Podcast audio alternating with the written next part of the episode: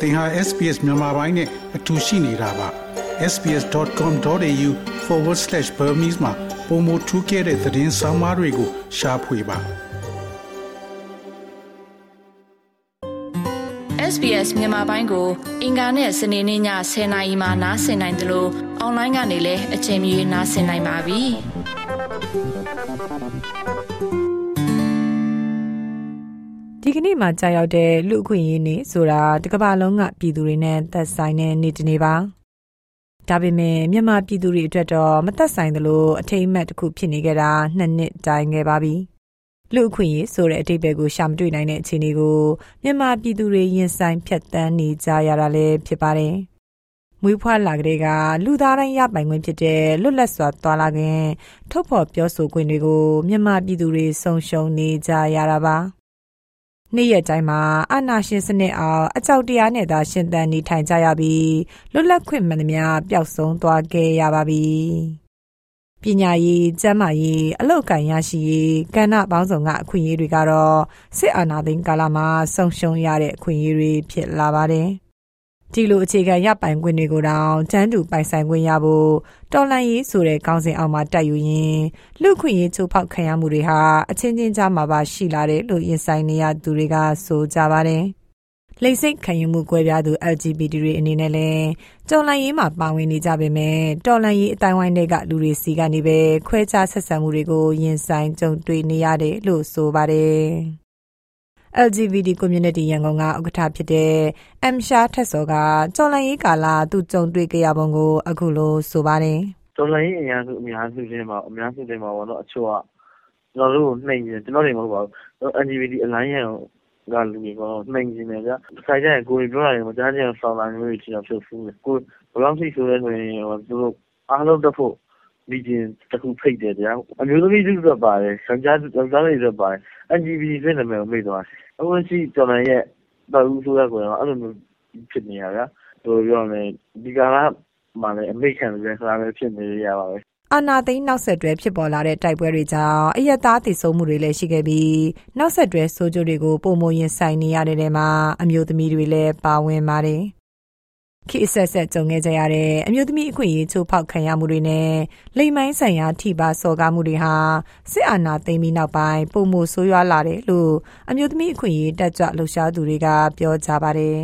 ။လိမ်မိုင်းဆိုင်ရာကျူးလွန်မှုတွေကိုစစ်ကောင်စီတပ်သားတွေကပြုလုပ်ကြတာများပေမဲ့တာမန်အရက်သားတွေနဲ့ဒေသကာကွယ်ရေးတပ်ဖွဲ့ဝင်တချို့ကလည်းကျူးလွန်နေကြတယ်လို့သိရပါတယ်။ ကျူးလွန်ခံရတဲ့အမျိုးသမီးတွေအတွက်ကြိုင်တန်းအရေးယူပေးဖို့မရှိတာတွေနဲ့အချက်တဲကာလာတဲ့အမျိုးသမီးရေးချက်နိုင်ငံရေးကိုပို့ပြီးဦးစားပေးမှုတွေကြားအမျိုးသမီးတွေဟာမေလျော့ခံဖြစ်လာပါတယ်။တော်လန်ရေးကာလအတွင်းခေါင်းဆောင်တာဝန်ယူထားတဲ့နေရာတွေမှာလည်းအမျိုးသမီးပါဝင်လာမှုကညှော့နှဲနေတဲ့အတွက်အမျိုးသမီးအခွင့်အရေးတွေကိုတောင်းဆိုတာနှောင့်နှေးစေတယ်လို့ပြောလာသူကကချင်ပြည်နယ်အတွင်းကအမျိုးသမီးအခွင့်အရေးလှုပ်ရှားသူဒေါ်နန်ပူပါ။ မျိုးသမီးတွေရဲ့ဥမာပြောမယ်ဆိုလို့ရှိရင်ဒီလိုတော်လိုင်းကာလမှာမျိုးသမီးတွေ harassment လို့ခေါ်တဲ့ကာအင်ဒီဖြစ်စေမှုကြုံတွေ့နေရတဲ့အခါမှာတိုင်ကြားမဲ့ရန်တရားတွေကလည်းမရှိဘူးအဲ့ဒီခါကျတော့ကျူးလွန်တဲ့သူကလည်းရောက်တက်ပြီးတော့မှဆက်ဆက်ပြီးတော့မှကျူးလွန်တဲ့အပိုင်းတွေရှိတယ်တော်လိုင်းကာလဖြစ်တဲ့အတွက်ကြောင့်မို့လို့တော်လိုင်းမှာထိခိုက်မှာဇိုးလို့ဆိုပြီးတော့မှမျိုးသမီးတွေကအာဒီတင်းကြီးခံနေတာပေါ့နော်ဒီလိုအခြေအနေတွေလည်းရှိပါတယ်ဆိုတဲ့အခါမှာတော်လိုင်းရေးကာလမှာတော်လိုင်းရေးကိုဥဆောင်နေတဲ့ အဲခေါင်းဆောင်တွေကဒီမျိုးသမီးတွေကိုကာကွယ်တဲ့ policy တွေချမှတ်ပြီးတော့မှဒီတိုင်တမ်းမဲ့ရန်တရားပေါ့နော်အာဒီကိုလည်းပဲလှုပ်ဆောင်ဖို့လိုအပ်ပါတယ်တော်လှန်ရေးကာလမှာအမျိုးသမီးတွေကိုလည်းပဲအဲကန္တာတိုင်းစင်တိုင်းမှာအနည်းဆုံး30ခိုင်နှုန်းပါဝင်အောင်အောင်လှုပ်ဆောင်ဖို့ရအတွက်လိုအပ်ပါတယ်ဒါနိုင်ငံတကာရဲ့စံချိန်စံညွှန်းဖြစ်တယ်အဲ့ဒါကြောင့်မလို့ကျမတို့ဒီလို Federal Democracy အစစ်ကိုကျမတို့လိုချင်ပါတယ်လို့ကြိုးစားတဲ့တော်လှန်ရေးအဝန်းဝိုင်းထဲမှာရှိတဲ့ကျမတို့နိုင်ငံသူနိုင်ငံသားတွေတော်လှန်ရေးအဝန်းဝိုင်းမှာပါဝင်တဲ့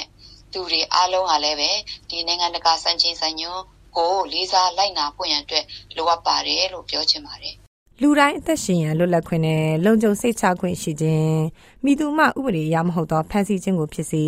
ချုပ်နှောင်ခြင်းကိုဖြစ်စေပြည်နှင်တန်ပေးခြင်းကိုဖြစ်စေမခံစေရဆိုတဲ့အချက်တွေအပါအဝင်အပြည်ပြည်ဆိုင်ရာလူအခွင့်အရေးကြီးညာစာတမ်းအချက်30ပါအခွင့်အရေးတွေဟာလက်ရှိမြန်မာပြည်သူတွေအတွက်တော့ပျောက်ဆုံးနေတာပါ စစ်တပ်ရဲ့ဖမ်းဆီးတပ်ဖြတ်မှုတွေနေအိမ်မီးရှို့ခံရမှုတွေကြားမှာဒေသခံတွေဟာနေ့စဉ်နဲ့အမျှလွတ်လပ်စွာရှင်သန်နေထိုင်ခွင့်တွေဆုံးရှုံးနေကြရပါတယ်။မြန်မာမဟာဗျူဟာနဲ့မူဝါဒလေ့လာရေး Institute ISB မြန်မာကကောက်ယူထားတဲ့စာရင်းတွေအရနိုင်ငံကျွင်းမြို့နယ်ပေါင်း82မြို့နယ်မှာနေအိမ်ပေါင်း3800ကျော်မိရှို့ခံခဲ့ရတယ်လို့ထုတ်ပြန်ထားပါတယ်။ ကြအပြင်အယက်သားပြည်သူတွေကိုတပ်ဖြတ်တာပြည်သူတွေရှိတဲ့နေရာတွေအထိလက်နက်ကြီးလက်နက်ငယ်တွေနဲ့ပစ်ခတ်တာလူသားချင်းစာနာမှုအကူအညီတွေကိုဒေသတွေစီရောက်ရှိဖို့တားဆီးတာတွေနဲ့လူသားတိုင်းရဲ့အခွင့်အရေးတွေကိုစစ်ကောင်စီကချိုးဖောက်နေတယ်လို့ရှုမြင်ကြသူတွေလည်းရှိပါတယ်။ဒီလိုကျူးလွန်မှုတွေကစစ်ကောင်စီကလှုပ်ဆောင်နေပေမဲ့လူခွင့်ရေးအလေးထားတဲ့ဆိုတဲ့နိုင်ငံတကာရဲ့အရေးယူမှုတွေနဲ့ပတ်သက်ပြီးမုံရွာတက္ကသိုလ်ကျောင်းသားသမဂ္ဂဒုဥက္ကဋ္ဌမက်ချော်ဆူဆန်က စစ်ကောင်စီနဲ့ဒီပြည်သူတွေကြားထဲမှာဖြစ်တဲ့ဖြစ်ရပ်တွေပေါ့အဲ့ဒီကဖြစ်ပေါ်လာတဲ့လူခွင့်ရေးချိုးချိုးဖောက်မှုတွေမတရားအကြမ်းဖက်မှုတွေဒါတွေကိုသူတို့ကကြိုတင်ကာကွယ်ဖို့ရအတွက်ကိုအားပြရမယ်ဆိုတာချက်ပေါ်တယ်နောက်ဆက်တွဲပြဿနာတွေပေါ်မှာပဲသူတို့ကကူညီမယ်ဆိုတဲ့ပုံစံမျိုးဖြစ်တာပေါ့ဥပမာဟိုဒီနိုင်ငံထဲမှာမိရှုဖြည့်ဆည်းခံနေရတယ်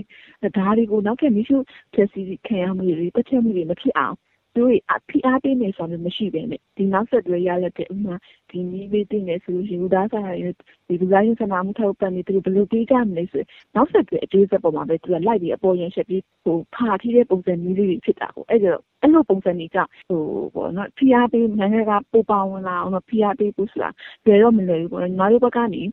ဖိအားပေးဖို့ဆိုရင်ပထမဆုံးသူတို့ပေါ့ဒီခွင့်ရေးစပောက်ခံရမှုတွေချမ်းဖတ်မှုတွေကိုသိဖို့လိုအပ်တယ်လို့ ဒီနဲ့တကြောင်လို့သူတို့နိုင်ငံတကာစာမျက်နှာမှာသိရှိအောင်လို့ဟိုတော့အတန်ဒီထုတ်ဖော်ကြတဲ့နိုင်ငံတကာမှာရောက်ရှိနေတဲ့အစုအဖွဲ့နဲ့ပူးပေါင်းပြီးကြတော့ဒီအခွင့်အရေးချိုးဖောက်ခံနေရမှုတွေကို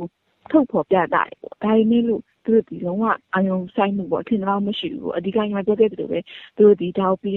ပြည်ရင်းလို့မြင်တယ်အဲ့တော့ပြည်ရင်းဖြစ်တဲ့ကြောင့်သူတို့ဝန်ဆက်ဖတ်ဘူးနောက်တစ်ခါသူတို့ရဲ့အကျိုးစီးပွားပေါ့နော်အကျိုးစီးပွားပေါ်မှာမူတည်ပြီးတော့မှ သူတွေပါဝင်တင်မပါဝင်တင်ကိုသူဆုံးဖြတ်လိမ့်မယ်။တော့ပါဝင်နေဆိုရင်တော့မှသူတို့ဒီဟိုဒီလိုမျိုးတည်တင်ကာကွယ်မှုအတွက်တစ်ဖက်ဘက်ကိုအတိအမှတ်ပြုပြီးတော့ရက်တီယာမျိုးမဟုတ်ဖဲနဲ့ပေါ့နောက်ဆက်တွဲဖြစ်လာတဲ့ပေါ့နော်ပြီးခါလုံးအလွန်ကာလကိုသူတို့ပံ့ပိုးမဲ့ဆိုတဲ့ပုံစံမျိုးတွေနဲ့ပဲသူတို့ပါဝင်ဖို့များတယ်လို့မြင်နေပေါ့နော်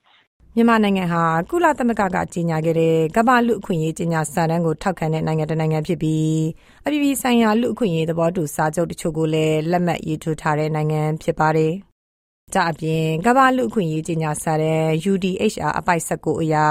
လူတိုင်းမှာလွတ်လပ်စွာထင်မြင်ယူဆခွင့်နဲ့လွတ်လပ်စွာထုတ်ဖော်ခွင့်ရှိတယ်လို့ပါရှိပြီးအပိုက်20မှာလူတိုင်းငြိမ်းချမ်းစွာစုဝေးခွင့်ရှိတယ်လို့ဖော်ပြထားပါတယ်။ ဒါပေမဲ့စစ်တပ်အာဏာသိမ်းကာလနှစ်နှစ်အတွင်းငြိမ်းချမ်းစွာဆန္ဒထုတ်ဖော်သူတွေနဲ့သတင်းသမားတွေအပါအဝင်ဖမ်းဆီးခံရသူဦးရေဟာ16000ကျော်ရှိခဲ့ပါပြီ။ကြအပြင်စစ်ကောင်စီကတကုံတက္ကသိုလ်ကျောင်းသား9ဦးကိုစစ်ကုံရုံးကနေနိုဝင်ဘာ30မှာတေလန်ချမှတ်ခဲ့ပြီးနှစ်နှစ်ကြာအတွင်းလူ130ကျော်ကိုတေလန်ချမှတ်ခဲ့ပါတယ်။ ဒီလိုလူအခွင့်ရေးချိုးဖောက်ဖိနှိပ်ခံရမှုတွေရင်ဆိုင်နေရပေမဲ့ပြည်သူတွေကတော့ဖိလေကြွလေဆိုတဲ့စကားအတိုင်းအာဏာရှင်စနစ်ကိုပြင်းပြင်းထန်ထန်ခုခံတော်လှန်နေကြပါတယ်။အာဏာရှင်စနစ်ကိုအခုချိန်ထိနောက်မဆုတ်တမ်းတွန်းလှန်နေတဲ့ပြည်သူတရက်လုံးရဲ့အကောက်နဲ့လှုပ်ရှားမှုနဲ့ပတ်သက်ပြီးရန်ကုန်တပိတ်အင်အားစုခေါင်းဆောင်ကိုနန်းလင်းကတော့အခုလိုဆိုပါတယ်။ကျွန်တော်တို့တိုင်းပြည်မှာဒါပြည်တွင်းစစ်နဲ့ဆရာနာရှင်စနစ်ကနှစ်ပေါင်းများစွာကြုံတွေ့ဖြတ်တန်းလာရတဲ့အခါကျတော့ လူခွင့်ရေးချိုးဖောက်ခံရမှုတွေရတာခက်အဆက်ဆက်မှာကိုကျွန်တော်တို့ဟိုရှိခဲ့တယ်တွေ့လဲတွေ့ခဲ့ရတယ်ကျွန်တော်တို့မြင်လဲမြင်ခဲ့ရတဲ့အနေအထားတွေပေါ့နော်ဆိုတော့ကျွန်တော်တို့တိုင်းပြည်ကဘယ်လိုဖြစ်ခဲ့လဲဆိုတော့လူခွင့်ရေးဆိုတာကိုမသိခင်မှာလူခွင့်ရေးချိုးဖောက်ခံနေရတယ်အများကြီးပဲเนาะအဲဒီကနေ့ဒီချိန်မှာတော့ PPP ကဒီဟာတွေကိုပို့ပြီးသိမြင်လာပြီးတော့ဒါဟာလားတင်ကြီးတင်ညိုတဲ့ဆန့်ကျင်တဲ့အနေအထားဖြစ်လာတာပေါ့လေဆိုတော့အရင်ကတော့စစ်တပ်သည်သူ့ရဲ့လူခွင့်ရေးချိုးဖောက်မှုတွေကနေကင်းလွတ်ခွင့်ရခဲ့တယ်ဒီတစ်ခေါက်ဒီတစ်ချိန်မှာတော့စစ်တပ်ကဒါကျူးလွန်သမျှသော လူခွင့်ရေးချိုးဖောက်မှုတွေတိုင်းအတွက်ပြန်ပြီးတော့မှဒါအပြစ်ပေးအရေးယူသွားမယ်ဆိုတဲ့ဒါပြည်သူတွေရဲ့စိတ်ကတော့ဒါဒီစိတ်ကိုကြည့်မယ်ဆိုရင်ပြည်သူတွေဟာသူတို့ရဲ့အခွင့်အရေးတွေချိုးဖောက်ခံရတာလို့ဒါပို့ပြီးတည်မြင်လာပြီးတော့မှဒီပေါ်မှာတီးမခံတော့ဘူးဆိုတာကိုဒါဖြစ်လာတဲ့အနေအထားလို့တော့ကျွန်တော်တို့ကမြင်ပါတယ်ဗျမြန်မာနိုင်ငံမှာလူခွင့်ရေးချိုးဖောက်ခံရမှုတွေအဆိုးရွားဆုံးဖြစ်နေချိန်မှာပဲလူခွင့်ရေးကောင်စီတဲ့မြန်မာကိုကိုစားပြုသူမရှိတာဟာ ကျူးလွန်ခံရတဲ့မြန်မာပြည်သူတွေအတွက်ဆုံးရှုံးနစ်နာမှုတစ်ခုဖြစ်တယ်လို့ကျွမ်းကျင်သူတွေကရှုမြင်ကြပါတယ်။မြန်မာနိုင်ငံဆိုင်ရာလူအခွင့်အရေးကုလအထူးကိုယ်စားလှယ် Tom Andrews ကတော့မြန်မာပြည်သူတွေနဲ့တသားတည်းရက်တည်ပြီးမြန်မာနိုင်ငံမှာစစ်အာဏာရှင်စနစ်အပြီးတိုင်ချုပ်ငြိမ်းနိုင်ဖို့အတွက်စူးစမ်းဆောင်ရွက်သွားမယ်လို့ပြီးခဲ့တဲ့လပိုင်းကပြောဆိုခဲ့ပါတယ်။ ဒါပေမဲ့တောင်းဆိုမှုတွေနဲ့သာအချိန်ကုန်နေတဲ့နိုင်ငံတကာလူ့အခွင့်အရေးအဖွဲ့အစည်းတွေရဲ့စစ်ကောင်စီပေါ်တွန်းအားပေးမှုတွေကတော့ထင်သလောက်အရာမရောက်ဘူးလို့ဝေဖန်မှုတွေလည်းမြင့်တက်နေပါတယ်။ NUG ပြောရေးဆိုခွင့်ရှိသူဦးကျော်စောကတော့နိုင်ငံတကာအဖွဲ့အစည်းတွေရဲ့အကူအညီနဲ့မြန်မာပြည်သူတွေရဲ့လူအခွင့်အရေးကိုအရယူသွားမှာဖြစ်တယ်လို့ဆိုပါတယ်ဒီဒီနှစ်လူခွင့်နေ့ theme တိုင်း dignity freedom and justice for all ဆိုတဲ့အတိုင်းကဘာရေးရနေပြီးတော့ကဘာ အတိုင်းဝိုင်းနေပြီးတော့ဝိုင်းဝန်းပြီးတော့ကျွန်တော်တို့မြန်မာနိုင်ငံနေပြည်သူလူထုရဲ့လွတ်လပ်ခွင့်တိုက်ပွဲဝင်နေတာကိုအကူအညီများအထစ်ထရောက်လက်တွေ့ကြတဲ့အကူအညီပေးခြင်းအဖြစ်ပေးခြင်းအချမ်းဖတ်စစ်ကောင်စီကိုအရေးယူတန်းခတ်ပြုလုပ်ခြင်းအပြင်မြန်မာပြည်သူလူထုတွေကိုကူညီပြီးများပြည်သူရဲ့လူခွင့်ရေးတွေကိုကာကွယ်ပေးနိုင်ဖို့မဲလို့ပြောကြားခြင်းပါတယ်ခင်ဗျာ 84နှစ်တိုင်ခဲ့ပြီဖြစ်တဲ့လူခွင့်ရေးနေတွေကိုမြန်မာပြည်သူတွေပျော်ဝင်ခွင့်ရခဲ့တာလက်ဆယ်ချောင်းတော့မပြည့်ခဲ့ဘူးလို့ဆိုရမှာပါလက်ရှိမှာတော့မွေးကင်းစကလေးကနေတက်ကြီးရွယ်ဦးနဲ့အသက်ပေးဆက်ခဲ့ရသူတွေအထိနေ့စဉ်အခွင့်အရေးတွေပျောက်ဆုံးနေကြရပါတယ်။ပြည်သူတွေအားလုံးကျွဲလူလားတောင်းတရဆုံးစုကိုပြောပါဆိုရင်နေ့စဉ်လုံခြုံစွာအသက်ရှင်နေထိုင်နိုင်ခွင့်ကိုသာမျှော်လင့်နေကြရတာပါ ဒီသတင်းဆောင်မကိုတန်လင်းခက်ကပေးပို့ထားတာဖြစ်ပါတယ် SBS Radio App ကို download လုပ်ပြီးနားဆင်မှတ်ချက်ပြုနိုင်ပါတယ်။ဒါရိုက်သို့မဟုတ်အချိန်မီနားဆင်နိုင်ပါပြီ။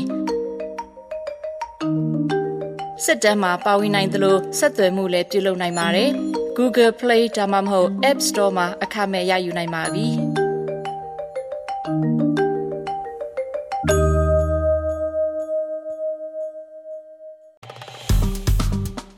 SPS မြန်မာပိုင်းကို Facebook ပေါ်မှာ like ရှာပြီး like မျှဝေမှတ်ချက်ပေးပါ